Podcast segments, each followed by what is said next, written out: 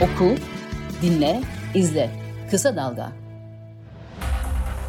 Kısa Dalga'dan ve Zor Soru'dan merhaba. Bugünkü konuğumuz e, Tülay Hatimoğulları. Tülay Hatimoğulları HEDEP yani Halkların Eşitlik ve Demokrasi Partisi'nin eş genel başkanı seçildi. E, Tülay Hanım hoş geldiniz.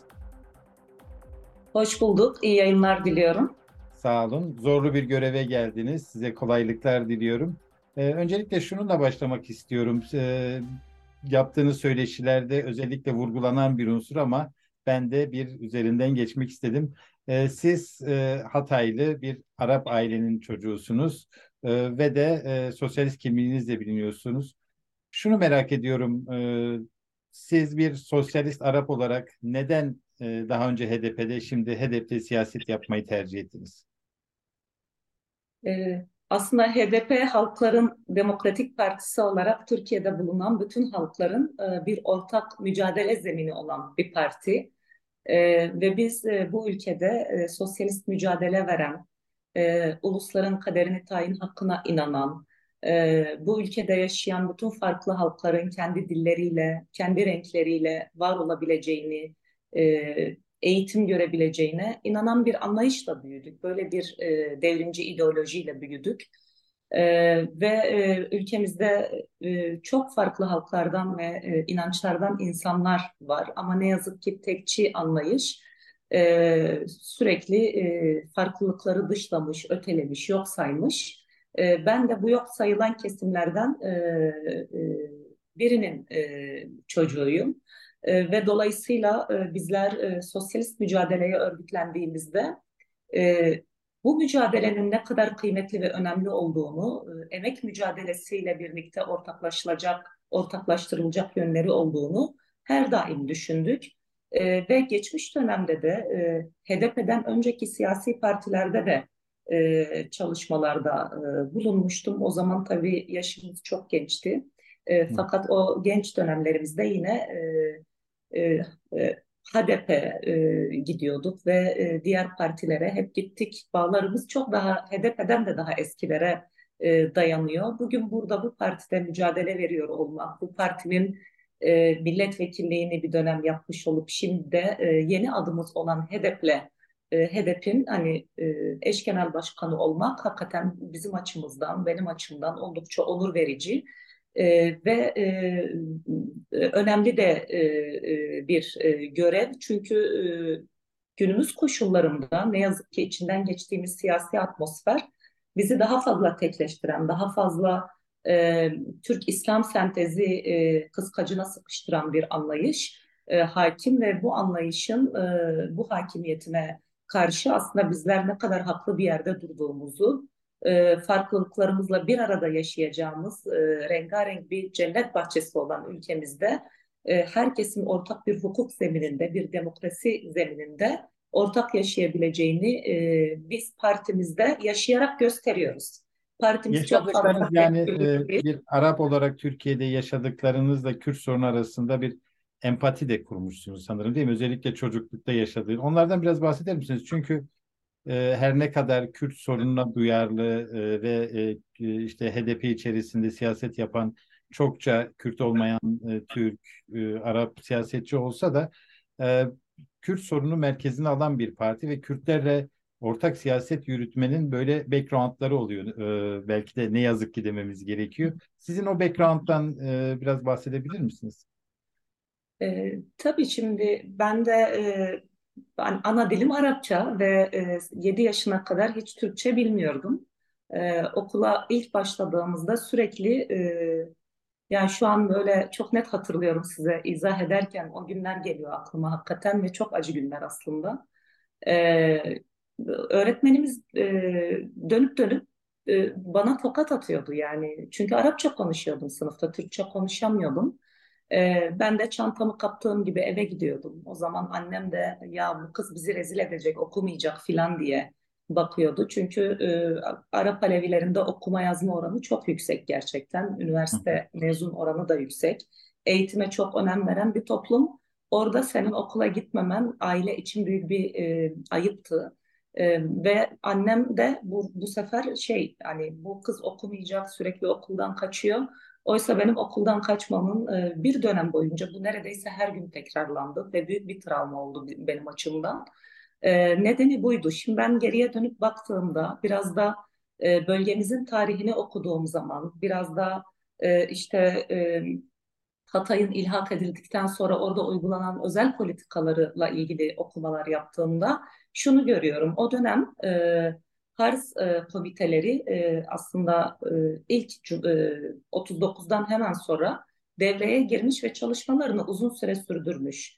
Yani e, dili asimile etmek için, e, kültürü asimile etmek için e, her şekilde e, çalışma yürütmüşler. Bunlardan biri de milli eğitim tarafından atanmış öğretmenlerdi. Yani bize o tokatları atan öğretmenler e, aslında bunlara bağlı olarak, e, bu anlayışa bağlı olarak çalışan tiplermiş ki e, bizi e, bu şekilde e, sürekli şiddet gördük. Mücadelesiyle de tanıştığımda e, ya ne kadar birbirimize benziyoruz, ne kadar benz benzerlik var yaşadıklarımızın arasında. E, o Kürt çocuklarının gördüğü şiddet, onlarda oluşan travma ve oradan bir toplumsal bilinçle bir e, e, yani Kürt halkının kendi ana dili için verdiği mücadelenin e, önemini e, daha iyi e, anlayabildiğimi, daha iyi empati kurabildiğimi gördüm e, bu kıyaslamayı yaptığım zaman. Çok bilinen bir şey değil e, Türkiye'deki Aleviler üzerindeki asimilasyon uygulamaları. E, hatta işte nasıl Kürtlere e, kimliğini reddederek aslında Türk oldukları iddia edilmişse bir dönem Arap Alevilerine yönelik de benzer uygulamalar vardı değil mi? Özellikle Eti Türklerinden geldiklerine dair bir propaganda e, ve aslında onların da Türk olduğuna dair e, bir e, sistemli asimilasyon politikası uygulandı değil mi?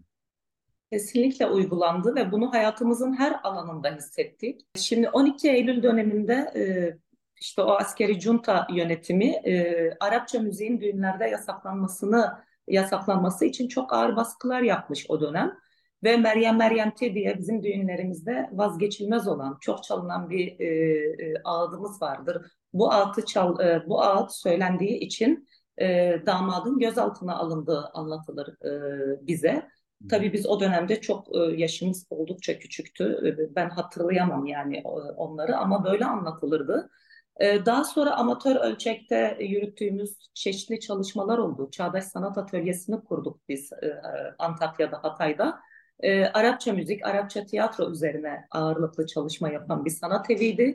Ve biz orada Arapça tiyatro yaptığımız için ben tiyatro grubundaydım. Arapça tiyatro yaptığımız için sürekli baskılar gördü kurumumuz ve biz sürekli gözaltına alındık. Sürekli yargılandık ana dilimizle e, tiyatrolar yaptığımız için ne yazık ki böyle e, bir süreci bizler de yaşadık. Tıpkı Kürtlerin yaşadığı gibi, tıpkı bütün halkların aslında yaşadığı gibi. Çok enteresan çünkü hani şimdiki e, siyasal İslamcı iktidarı da düşününce ve onun daha önce darbe dönemindeki Türk İslamcı yönetim karakterini düşününce hani Arapça sanki e, sempatiyle bakacakları bir dilmiş gibi düşünülür. E, ama esasen bu asimilasyon bütün oradaki halkları kapsayan bir politika. Arap Alevilerine yönelik özel bir uygulama mı bu yoksa e, diğer e, Alevi yurttaşları da kapsayan bir şey miydi bu asimilasyon? Evet. Aslında Alevilik meselesini apayrı bir kategoride değerlendirmek lazım. Bugün Türkiye'de milyonlarca e, Alevi yaşıyor. Yani Türk Alevileri, Kürt Alevileri, e, tahtacılar çok sayıda e, yani milyonlarca Alevi yaşıyor bu ülkede ve Alevilere dönük bu coğrafyada tarih boyunca bir asimilasyon politikası ve bir katliamlar zinciri gerçekleşmiş. Mesela Sevahil kenti denilen aslında Mersin, Adana, e, Hatay, Laskiye, e, Lübnan'a kadar uzanan o sahil kentlerinde e, orada yaşayan insanlara sahil halkı, ehli sevahil denir. E, ki Yavuz Sultan Selim'in kılıçtan geçirdiği, e, oradaki Alevileri kılıçtan geçirdiği bir dönemden bahsedilir tarihte. E, Türkiye coğrafyasına baktığımızda Dersim, Koçgiri, e, Sivas, e, Gazi katliamları e, bütün bunlar e, yani Alevilere dönük e, gerçekleşmiş çok ciddi katliamlardır tarihte. Yani e, Alevilere dönük gerçekten e, çok ciddi bir biçimde bir asimilasyon politikası, e, işte bir e, e, Aleviliği kabul etmeme, reddetme ki AKP iktidarı döneminde ne yazık ki siyasal İslam'ın devletin bütün örüntülerinde varlığını, e, etkisini daha fazla hissettirdiği bir dönemde e, Alevilere dönük e, e, baskılar daha da artmış durumdadır. Bugün işte geçtiğimiz dönemde en son çıkan torba yasayı hatırlayacaksınız. E, Aleviliği Kültür ve Turizm Bakanlığı'na e, bağladılar. E, Aleviliği bir inanç olmaktan ziyade bir e, kültürel motif olarak e, gör, gördü bu resmi ideoloji ve mevcut olan iktidar. Oysa Alevilik bir inançtır. Kimi cemevlerinde ibadetini yapar. Arap Alevilerinin ritüelleri farklıdır.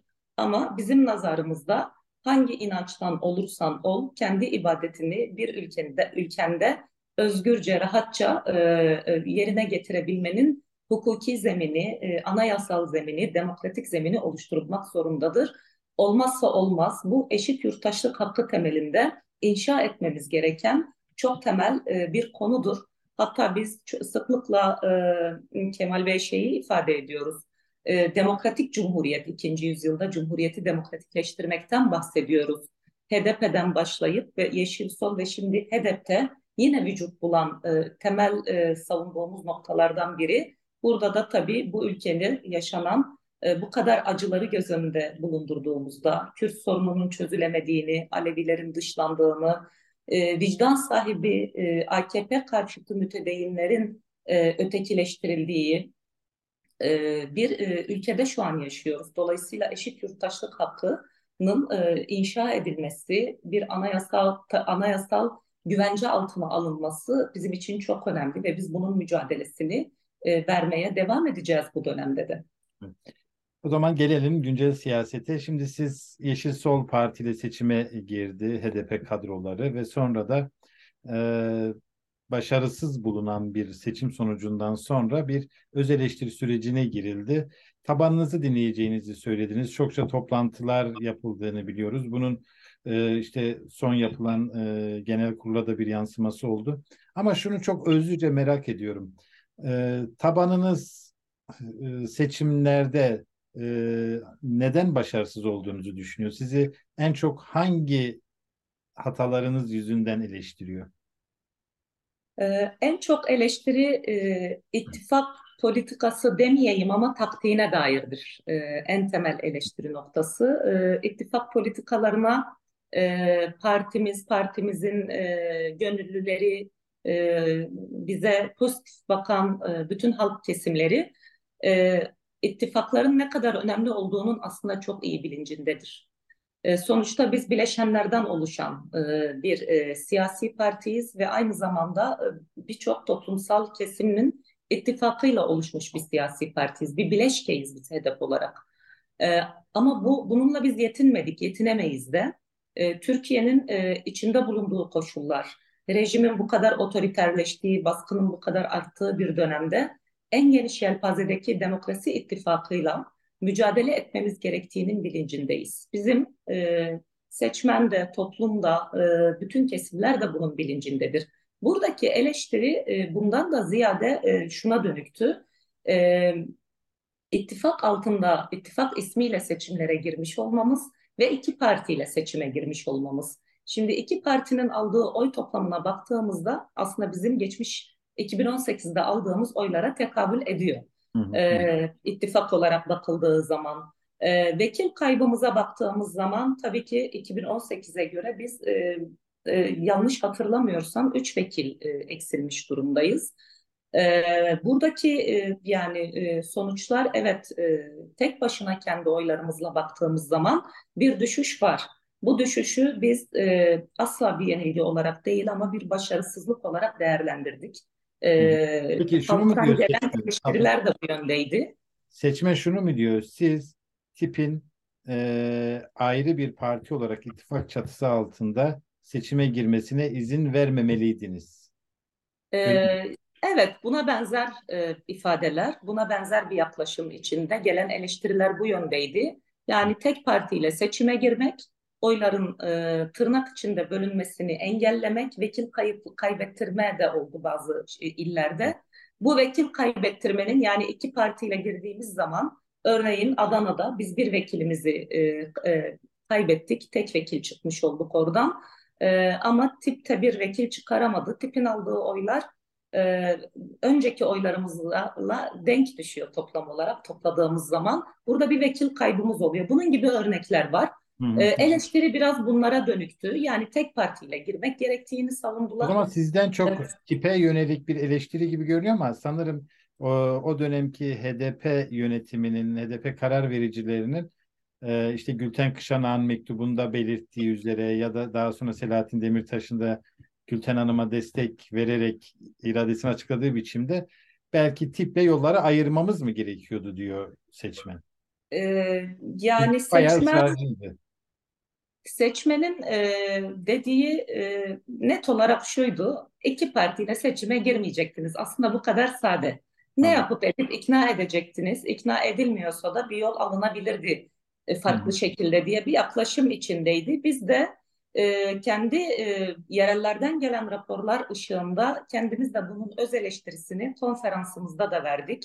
Kongremizde de verdik. Yani burayı e, bu konuda biz de kendimizi e, hatalı gördüğümüzü tek partiyle e, parti konusunda daha çok zorlamamız gerektiğini sonucu bizde de oluşmuş durumda. Bu şu anlama gelmiyor ama çünkü bu konu çok spekülatif olarak da tartışılıyor. Yani bu konu ittifak karşıtlığı asla değil. İttifaklar, ittifak politikamız bizim bu dönemde özellikle kongremizde, bu son kongremizde aldığımız en önemli kararlardan birisi. Şundan dolayı biz bu kararı aldık. Bu e, bizim açımızdan çok önemli gerçekten. En geniş toplumsal ve demokratik ittifakı kurmak göreviyle e, e, görevi bizi beklemektedir e, bu dönemde. Bahsini ettiğim, biraz önce bir miktar bahsini ettiğim, Türkiye'nin içinden geçtiği koşullar, bu seçimlerden sonra bu otoriterleşmenin kendini daha çok tahkim edeceği bir dönemin içine girdik. Ee, AKP e, iktidarı ve bu otoriter rejim e, Türkiye'deki bütün yaşam alanlarını e, da insanları e, hayat yani nefes almalarını e, tıkayacak şekilde insanları boğazlıyor şu an. E, insanlar hiçbir konuda rahat değil, hiçbir konuda mutlu değil. Yoksulluk diz boyu, açlık diz boyu, depremzedelere tek yardım gitmiyor.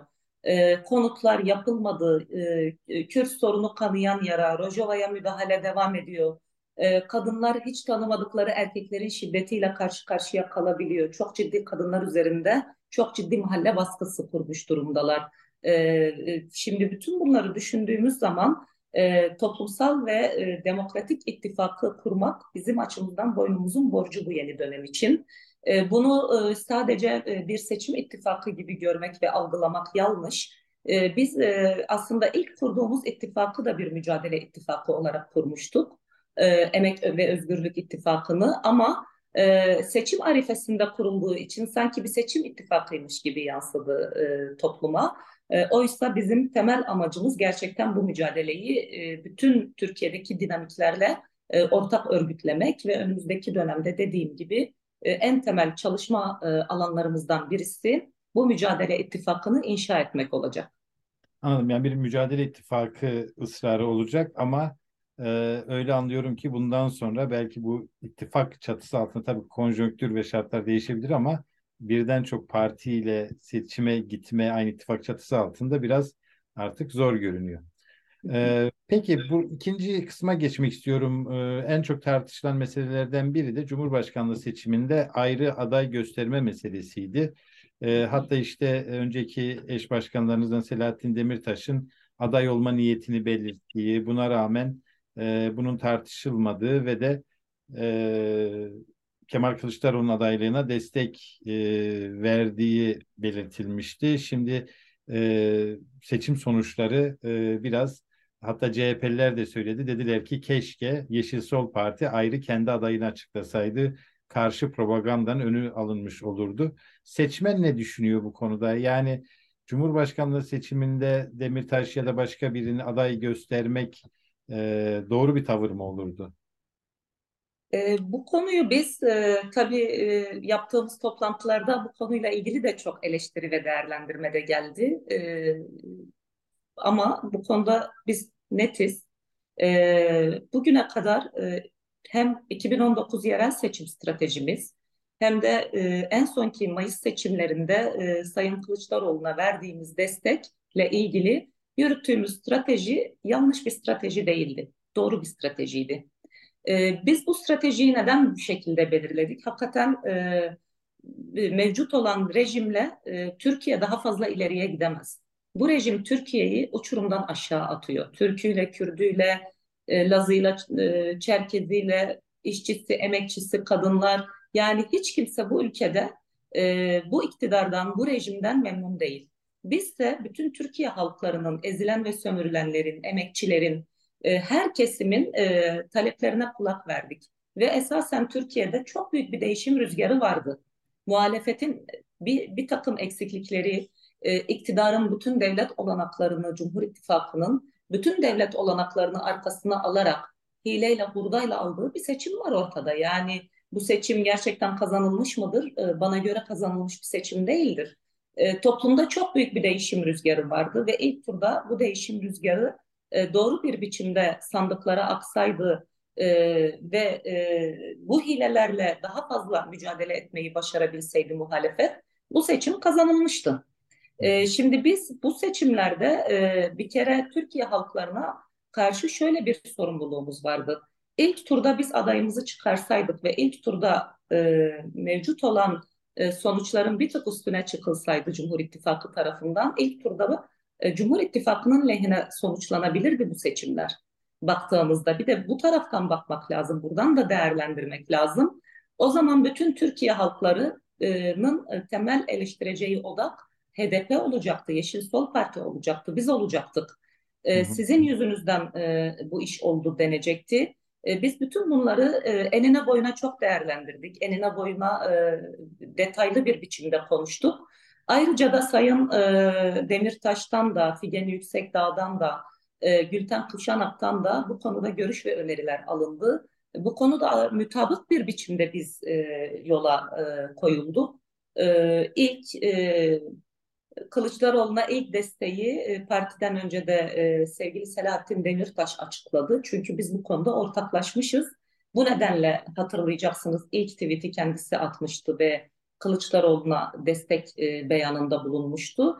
Bugüne kadar biz yaptığımız bu çalışmaları eksik, yanlış ya da hatalı bulmadığımızı söylemeliyim. Ama gelecek dönemde bu süreç aynı kaybettirme siyaseti üzerinden devam eder mi? Biz bunu büyük bir ciddiyetle tartışıyoruz. Oku, dinle, izle. Kısa Dalga. Nasıl bir taktik izleyeceksiniz? Yani bu şekilleniyordur yavaş yavaş partide ve bu eleştiri süreç, özel eleştiri süreçlerinde de bunun işaretleri vardır. Şimdi e, 2019 yerel seçimlerine baktığımızda e, kaybet kaybettirme ve kazanma gibi bir strateji vardı. Yani doğuda kazanma, batıda iktidara kaybettirme. Ama e, bu seçimde biraz seçmenin e, tepkileri nedeniyle bundan uzaklaşılabileceği gibi bir hava var. Siz e, Ankara, İstanbul, Adana, Mersin gibi metropollerde, İzmir'de ayrı aday çıkaracak mısınız yoksa e, yine e, iktidara kaybettirme stratejisi üzerine mi oynayacaksınız? E, bir kere yerel seçimlerle ilgili izleyeceğimiz stratejiyi e, stratejide e, tabii şeyin çok büyük bir payı olacak. Bugüne kadar yaptığımız bütün halk değerlendirmeleri yani genel seçimden kongremize kadarki süreçte e, 50-60 bin kişiyle neredeyse toplantılar yaptık. E, her ilin yereliyle görüşmeler yapıldı. İl örgütlerimiz halkla, oradaki demokrasi güçleriyle, herkesle görüşmeler yapıldı ve bir rapor ortaya e, çıktı bunlardan. E, bizim tabii bu rapor ışığında da e, konjöktürün ihtiyaçlarına da e, e, siyasetin ihtiyaçlarına da toplumun ihtiyaçlarına da bakarak ve elbette e, bizim e, seçmenimizin taleplerini de göz önünde bulundurarak bir seçim stratejisi belirleyeceğiz. Ne diyor ee, rapor? Raporda öngörülen ne? Rapordan çıkan sonuç ne? E, aktaracağım onları da. Önümüzdeki hafta sonu e, ve bir sonraki hafta sonu da İstanbul'da olmak üzere e, Van, e, Ahmet, İstanbul e, buralarda konferanslarımız olacak. Yerel Yönetimler Konferansı. E, yerel Yönetimler Konferansımızda e, açığa çıkan ve şimdi sorumuza e, yanıt olabilecek e, e, konularımızı şöyle sıralayabilirim. E, birincisi kaybettirme stratejisine devam edecek miyiz, e, etmeyecek miyiz sorusu. Bu konuda bir tartışma yürüteceğiz.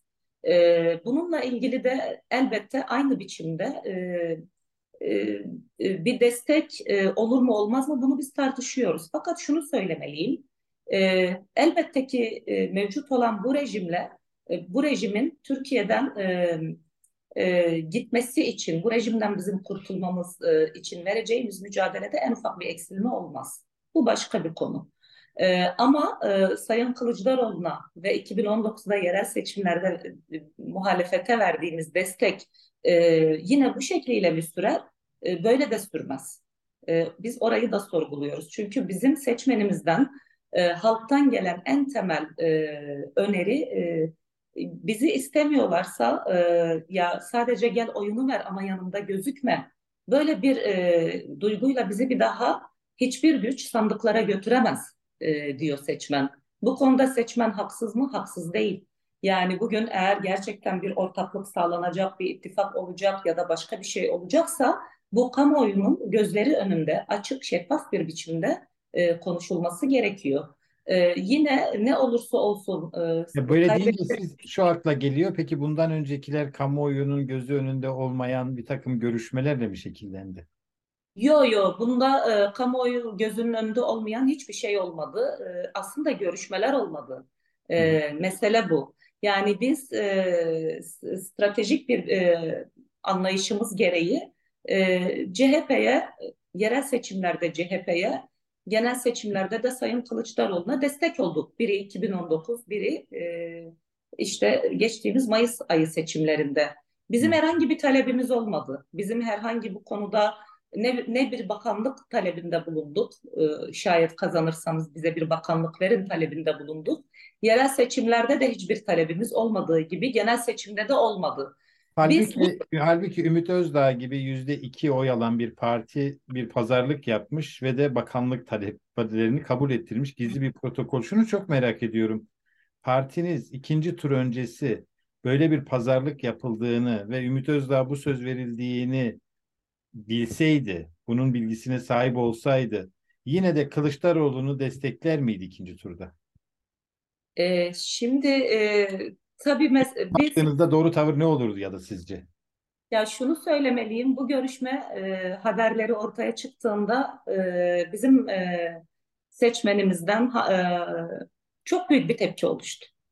Yani haddi hesabı o, olmayan büyüklükte bir tepki oluştu. Bu tepki haksız mıydı? Haksız bir tepki değildi. E, yani bu e, böyle bir anlaşma, böyle bir e, dağılım, böyle bir bunu kabul etmek mümkün değildi. E, ama e, işte e, Sinan Oğan'la yapılan çeşitli görüşmeler e, vardı. E, bununla ilgili tabii yine seçmenimizin e, canını sıkan, moralini bozan gelişmeler oldu. E, biz ilk tur tamamlanır tamamlanmaz hemen bir MYK toplantısı aldık ve bu konuda hemen seçmene güçlü bir mesaj verelim stratejimizi devam ettiriyoruz. Bu konuda kimsenin dikkati dağılmasın. Mesajlarını çok hızlı verdi, güçlü bir şekilde verdiler. Ve ikinci tura baktığımızda yine ikinci turda sandığa e, giden e, seçmen sayımızda bir düşüş olmadı. Yine aynı biçimde ikinci turda da gitti ve oyunu verdi. Hakikaten e, çok tutarlı bir e, tavır sergiledi e, Yeşil Sol Parti'nin seçmeni. E, çünkü bir strate bir stratejiye bağlılıkla bu Peki bir kandırıldığınızı hissetmiyor musunuz? Yani e, Yeşil Sol Parti seçmeni partisine ve Kılıçdaroğlu'na oy verdi ama sonradan öğrendi ki yani siz de o partinin bir yöneticisi olarak sonradan öğrendi ki Kılıçdaroğlu bir gizli anlaşma yapmış. Üstelik bu anlaşma normal şartlarda e, sizin kabul etmeyeceğiniz bir hissiyatınız nedir bu konuda? Kılıçdaroğlu'nun bu gizli anlaşmasını siyasi etik bakımından nasıl değerlendiriyorsunuz? E, bu anlaşma e, doğru bir anlaşma değildi. Siyasi etik açı, e, açısından e, doğru bir anlaşma değildi. Ülkeyi gelecekte nasıl yöneteceklerine dair bir veri vermesi bakımından da negatif bir yerde duruyor. Açıkçası yani CHP'liler de şaşırdı bu konuda. Bu işi yeni duyanlar şaşırdı. E, bilenler şaşırmamıştır tabii. E, ama herkes şaş şaşırdı yani hiç kimse bir şeyi beklemiyordu.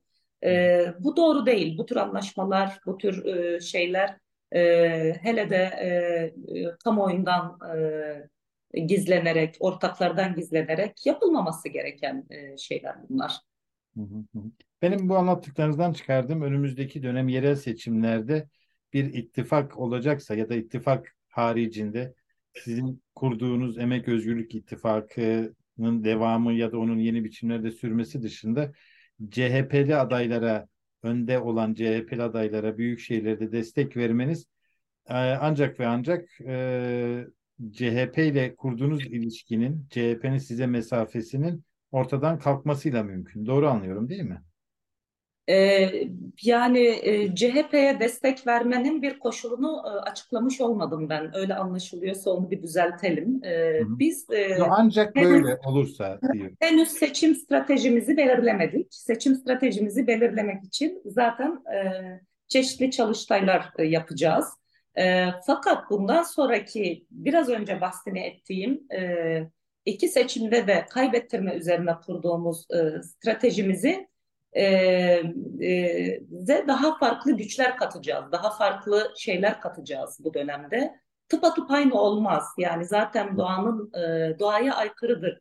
Bir suyla iki kez yıkanılmaz derler ya. Yani evet. o döneme uygun strateji evet buydu. E, bu dönemde ise e, yani e, şunun altını çiziyorum. Mevcut olan rejimle e, e, rejimin e, bu şekliyle devam etmesini bu Türkiye kaldıramaz. Bu rejimden bir biçimiyle e, kesinlikle kurtulmak gerekiyor. E, ikinci bir şey e, ittifaklar meselesine gelecek olursa e, bu konuda açıklık ve şeffaflıktan e, yana olacağız. E, bizi e, kriminalize edenlerle ya da biz kriminalize edildiğimiz zaman ya yanımızda durmayın çok kriminalize olmuşsunuz bizi de olumsuz etkilersiniz diyeceklerle çok bir işimiz olmayacak. Yani e, bugün bu ülkede gerçekten bir sosyal demokratlık e, çizgisi varsa bu sosyal demokratlık çizgisinin güçlenmesi gerekiyor. Daha özgüvenli davranması gerekiyor. Daha bu toplumun sorunlarına çare bulması, bulacak bir çizgiye gelmesi gerekiyor. E, bizim muhalefete çağrımız e, budur. E, bütün muhalefete, tek başına ana muhalefet partisine değil, bütün muhalefete çağrımız eğer bu ülkenin demokratikleşmesinden, e, insan hakları ihlalinin son bulmasından yanaysanız, e, bu ülkenin sorunlarıyla hakiki bir biçimde yüzleşmekten kimse korkmamalı. O dönem kapandı. Yani korkarak, onun yanında görünmeyerek, e, şunu yapmayarak, bundan kaçarak o dönemin kapanması gerekiyor Türkiye'de. 21. yüzyılda siyaset böyle yapılamaz. Hiç kimse ötekini de taklit etmemelidir. Ne sağ solu taklit etmeli ne sol sağı taklit etmelidir. Herkes kendi ol, e, olmayı başarabilmeli ve e, siyasetin ilkeler manzumesi içerisinde ilerlemesi gerekiyor. E, hangi ideolojiden olursanız olun, Türkiye'nin demokratikleşmesinden yanaysanız elbette ki ideolo ideolojiniz sizin e, nasıl bir demokrasi istediğinizi de e, gösterir. O ayrı bir tartışma konusu. Çünkü e, her e, demokrasi kelimesini herkes aynı anlamda kullanmıyor ne yazık ki. E, fakat hani bahsini ettiğimiz asgari düzeydeki bir demo, demokratikleştirmeden bahsediliyorsa kendi olmalı ve kendi ilkelerinde açıklıkla e, çalışmalarını yürütmeli. Şimdi Türkiye'deki siyasetin en büyük sorunu bu. Herkes e, takiye yapıyor. Yani takiye döneminin bu ülkede bitmesi gerekiyor. Bundan ee, CHP'yi eleştirdiğiniz anlaşılıyor ama açıklık getirmiyor. Yani CHP'nin sağa kayan daha e, sağcı bir politika ve aynı zamanda ittifak yönü de sağa çeviren tutumunu bir total olarak eleştirdiğinizi anlıyorum. Evet. Peki o zaman e, geçmişi ve seçimleri bir yana bırakarak biraz da güncel bugünkü politikaya dair konuşmak istiyorum. E, kongrede de çokça üzerinde durdunuz. E, bir e, Kürt sorununa çözüm arayışlarında bir tıkanma var. E, ama aynı zamanda seçim öncesinde e, bir yeni çözüm süreci beklentisi ifade ediliyordu. Seçimler de bu e, bu beklentiyi gerçekleştirecek bir sonuç ortaya çıkmadı ama yine de böyle e, yeni dönemde de bunun olabilirliği konusunda cılız seslerle de olsa bir takım görüşler ifade ediliyor. Sizce e, mevcut siyasi konjonktürde Kürt sorununda yeni bir e, deneme söz konusu olabilir mi? E, mevcut konjonktürde bir değişiklik olmayacaksa e, Kürt sorununun çözümüne dair e, çok pozitif e, ibareler ve yaklaşımlar e, göremiyorum. E, ama bir konjöktürel değişikliğe gidilirse e, ya da e, Türkiye'de e, özellikle dış siyasette yaşanan tıkanıklıkların aşılması isteniyorsa, e, bu çatışmaların ve savaş halinin bitmesi isteniyorsa zaten Kürt sorununun çözümünden başka bir çare yok. Ne demek istiyorum e, bu söylediklerimde? Şimdi Kürt sorunu Türkiye'nin demokratikleşmesinin önünde kanayan bir yara, temel bir mesele.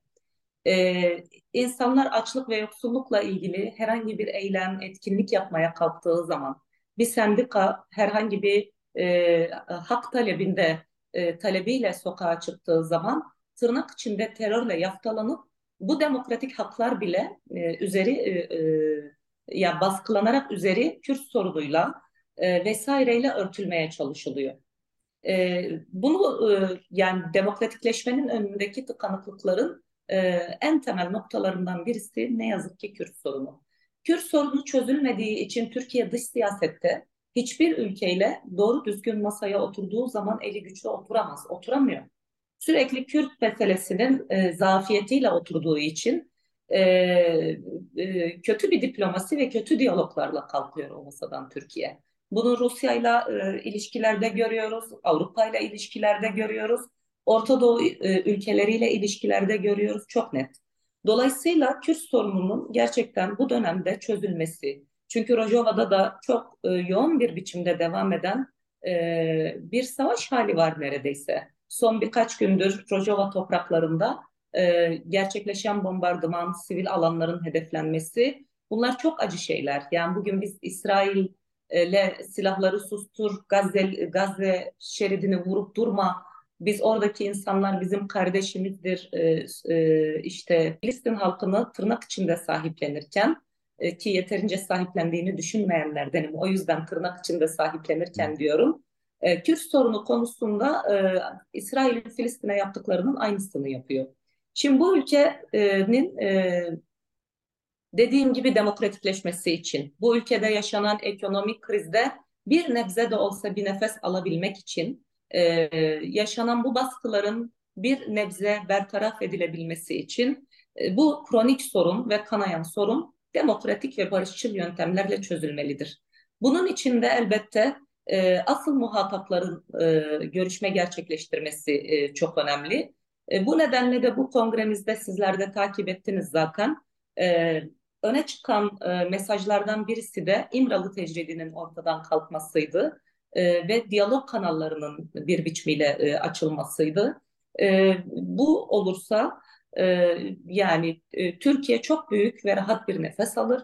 Türkiye'nin Orta Doğu'da e, Orta Doğu ülkelerine ve Orta Doğu barışına katkısı da çok daha büyük e, olur.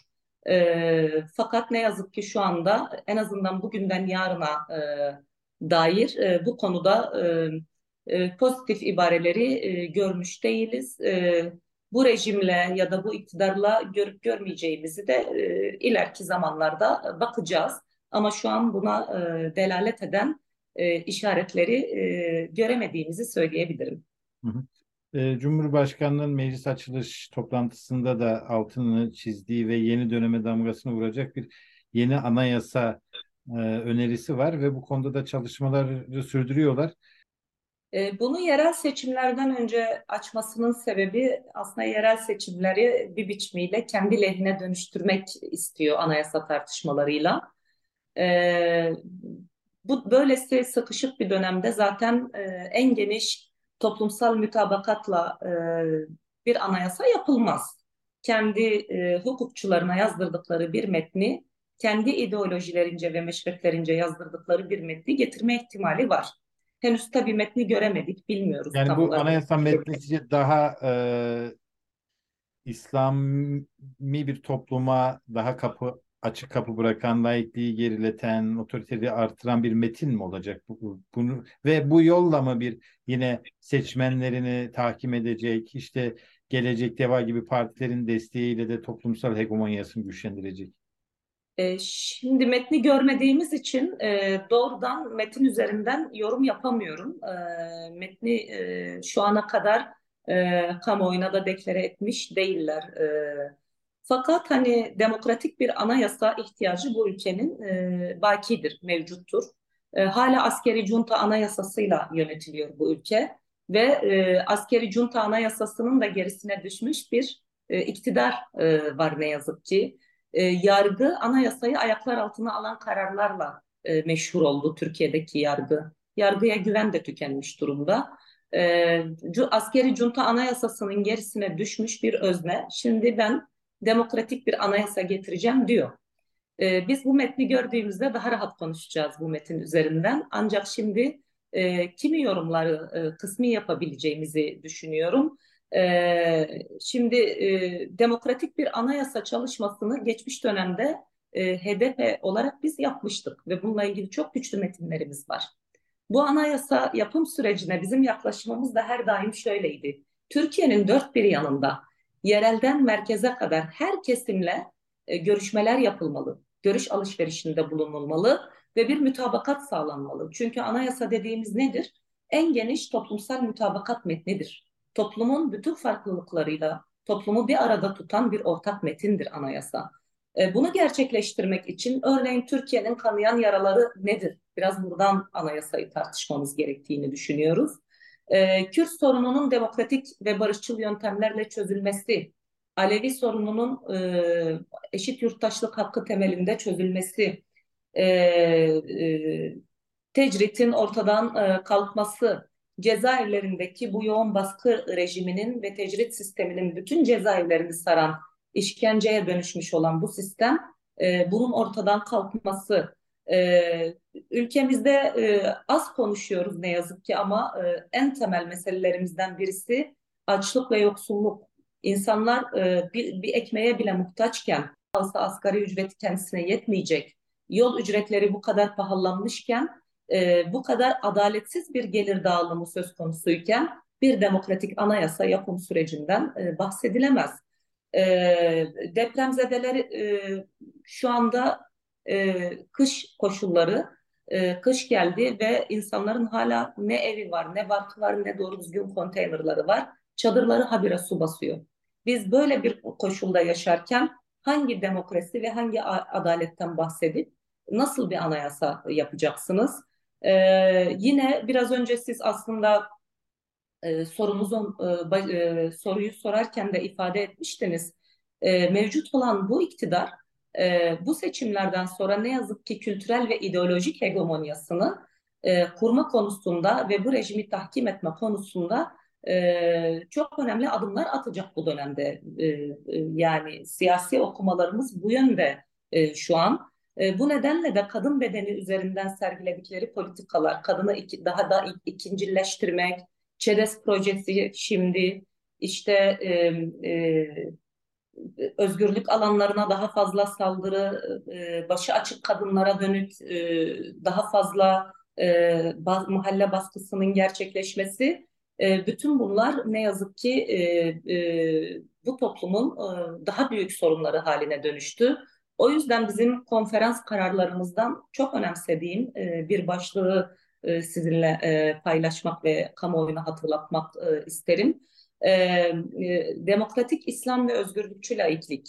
E, yani çok insanın e, ya iki kavram yan yana gelir mi, olur mu öyle şey dediğini e, biliyorum. E, ama Türkiye'nin ihtiyacı şu anda gerçekten e, siyasal İslam'ı e, siyasal İslam'ı kendi yaptığı bütün kötülüklere ve adaletsizliklere örtü olarak kullanan e, mevcut olan bu rejime karşı bu ülkenin e, e, antikapitalist Müslümanlarından e, feminist e, İslami feminist hareketine kadar e, bu ülkenin vicdan sahibi mütedeyinlerinin, bu iktidarın zulmüne direnen mütedeyinlerin e, ses vermesi çok önemli. Türkiye'de yaşayan 72 e, milletten insanın ortak yaşamını savunmak e, bu kesim tarafından savunulması, bu, bu empatiyi sağlamamız toplum olarak çok önemli, çok kıymetli. Yine bu dönemde özgürlükçü laiklik e, e, mücadelesi e, önem kazanacak e, önümüz dönem için. E, çünkü e, farklılıklara, e, farklılıkları kıskaç altına alan e, bu rejime e, daha fazla dur dememiz gerekiyor bu dönemde. E, ez cümle diyeceğim bütün bu sorunlar mevcutken bir demokratik anayasa yapım sürecinden bahsetmek e, mümkün değil.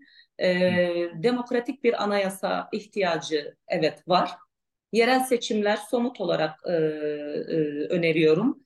Yerel seçimler biter bitmez e, oturulur, e, bütün farklı kesimler, e, siyasetler, e, parlamentodaki bütün gruplar bir araya gelip e, ortak olarak biz bir e, demokratik anayasa yapım sürecine nasıl bakıyoruzu tartışması gerekiyor. Bu somutlukla gitmek gerekiyor. E, aksi takdirde e, e, dediğim gibi metni henüz görmediğimiz için e, çok net metin üzerine doğrudan bir yorum yapamıyorum. E, ama yapılması gereken acil elzem olan yerel seçimler geçtikten hemen sonra parlamentoda grubu bulunan ve bulunmayan bütün siyasi partilerin temsilcilerinin bir araya gelmesi ve bir ortak anayasa yapım sürecine hangi parti nasıl bakıyor, hangi partinin önerisi nedir, bunun ortak e, bileşkesi nasıl oluşturulabilir, bunun somut bir biçimde konuşulması gerekiyor. Peki son olarak şunu sormak istiyorum. Şimdi HDP hakkında bir kapatma davası var ve bu yüzden de zaten seçimlere Yeşil Sol adı altında girildi. Sonra da HDP kuruldu. HDP'in HDP'den bir fark olacak mı? Olacaksa ne olacak? Ya da HDP'yi HDP'de nasıl göreceğiz?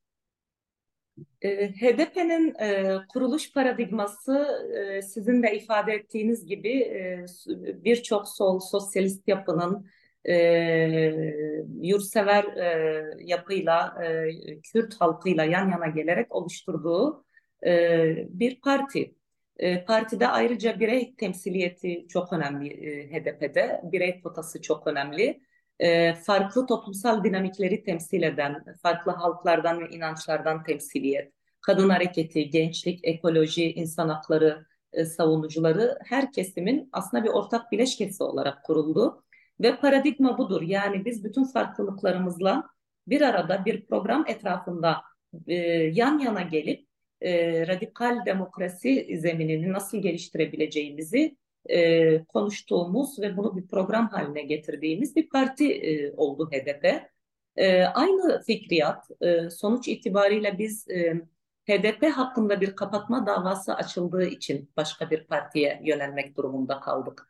E, yani e, burada e, baskıcı rejimin e, rejimle bir mücadele e, e, etme halimiz e, var.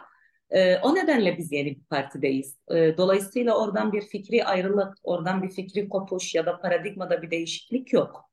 Bu paradigmayı biz e, daha da güçlendirmek istiyoruz bu dönemde. Biraz önce bahsini ettiğim e, siyasal konjektür e, farklılıklarımızla daha fazla bir arada olmamızı e, gerekliliğini açığa çıkarıyor. Ya bu ülkede bütün farklı halklar, Türk'ü, Kürd'ü, Arap'ı e, ve burada sayamadığım e, bütün halklar e, bununla beraber e, e, yine biraz önce bahsettiğim e, iktisadi alanda yaşanan krizler, ekonomik alanda yaşanan krizlerden muzdarip olan geniş kitleler. Bu ülkede çok sayıda e, yoksulluk sınırının altında, e, açlık sınırının altında yaşayan milyonlarca işçi, işsiz ve yoksul var. E, bütün bu kesimlerinle ortak bir mücadele bileşkesi e, oluşturmayı hedefliyor e, hedef. E, bu dönem yine en önemsediğimiz noktalardan birisi e, bütün e, e, farklı toplumsal kesimlerle yan yana gelerek ve siyasal öznelerle yan yana gelerek bir de mücadele ittifakını oluşturmak. Bu mücadele ittifakının e, en sürükleyici gücü e, HEDEP olacaktır. En örgütlü gücü e, HEDEP'tir. Yani biz yaşadığımız e, negatiflikleri e, evet biraz önce konuştuk. E, HEDEP, e, HEDEP'in yaşadığı e, eksiklikler bu seçimde. Fakat yine de şunu görmeliyiz ki e, HEDEP, Yeşil Sol HEDEP, e, Türkiye'nin hala üçüncü büyük siyasi partisi e, yine toplumun en örgütlü partisi. e, mücadele konusunda e, sorun Türkiye sorunlarının çözümü konusunda e, en iddialı, sözünü en açık söyleyen, tutumunu en açık sergileyen e, parti. Biz e, bu geleneği HDP'den aldığımız bu geleneği elbette kendi partimizde sürdüreceğiz. E, 2015'in devlet aklıyla şimdinin devlet aklı aynı değil. 2015 sürecinde başka bir devlet aklı işliyordu. O dönemde yaşanan bu değişiklikler partimizin alanlarını daha fazla daraltmaya e, dönük adımları daha güçlü attılar bu dönemde. Partimizin hakkında açılmış olan kapatma davasından tutun da sürekli partimize dönük gözaltı ve baskıların gerçekleşmesi. En basitinden ana akım medyadan bir kişinin bir basın yayın organının e, e, HDP e, e, çağırıp e, yani konuk e, bile etmemesi ki bizim dışımızda biz 7-24 tartışılan bir partiyiz. Ama bizim dışımızda biz tartışılıyoruz. Yani o olanaklar da e, bu iktidar tarafından kapatıldı. E, şimdi bu dar olanaklar çerçevesinde e, çalışma yürüttüğümüzün farkındayız. Biz bu dönemde HEDEP'te e, bu alanları daha güçlü bir şekilde açmak istiyoruz. Bunun için çalışacağız. E, Birçok mecrayı daha güçlü bir biçimde açmak için çok yoğun emek harcayacağız. E, bununla beraber e, yaşadığımız e, e, paradigmamızı daha güçlü savunmak e, için daha e, güçlü bu dönemde çalışmalarımızı yürüteceğiz. E, ez cümle diyeceğim paradigmamız, düşüncemiz, fikrimiz, aklımız aynı gelenekle devam ediyor. Sadece tek farkı ne olacak tabii ki geçmiş dönemde yaptığımız eksik gördüğümüz şeyleri bu dönemde daha çok tamamlamayı hedefliyoruz. O da biraz pratiğe dair daha fazla e, pratiği ilgilendiren e, bir konu e, ama paradigmamızda bir değişiklik yok. Biz yine HDP'nin ruhuyla e, çalışmalarımızı sürdürüyoruz. E, Sayın Turay Atimoğulları çok teşekkür ederiz. Kısa Dalga'ya ve Zor Soru'ya konuk olduğunuz için çok sağ olun. Ben teşekkür ederim. İyi yayınlar diliyorum size.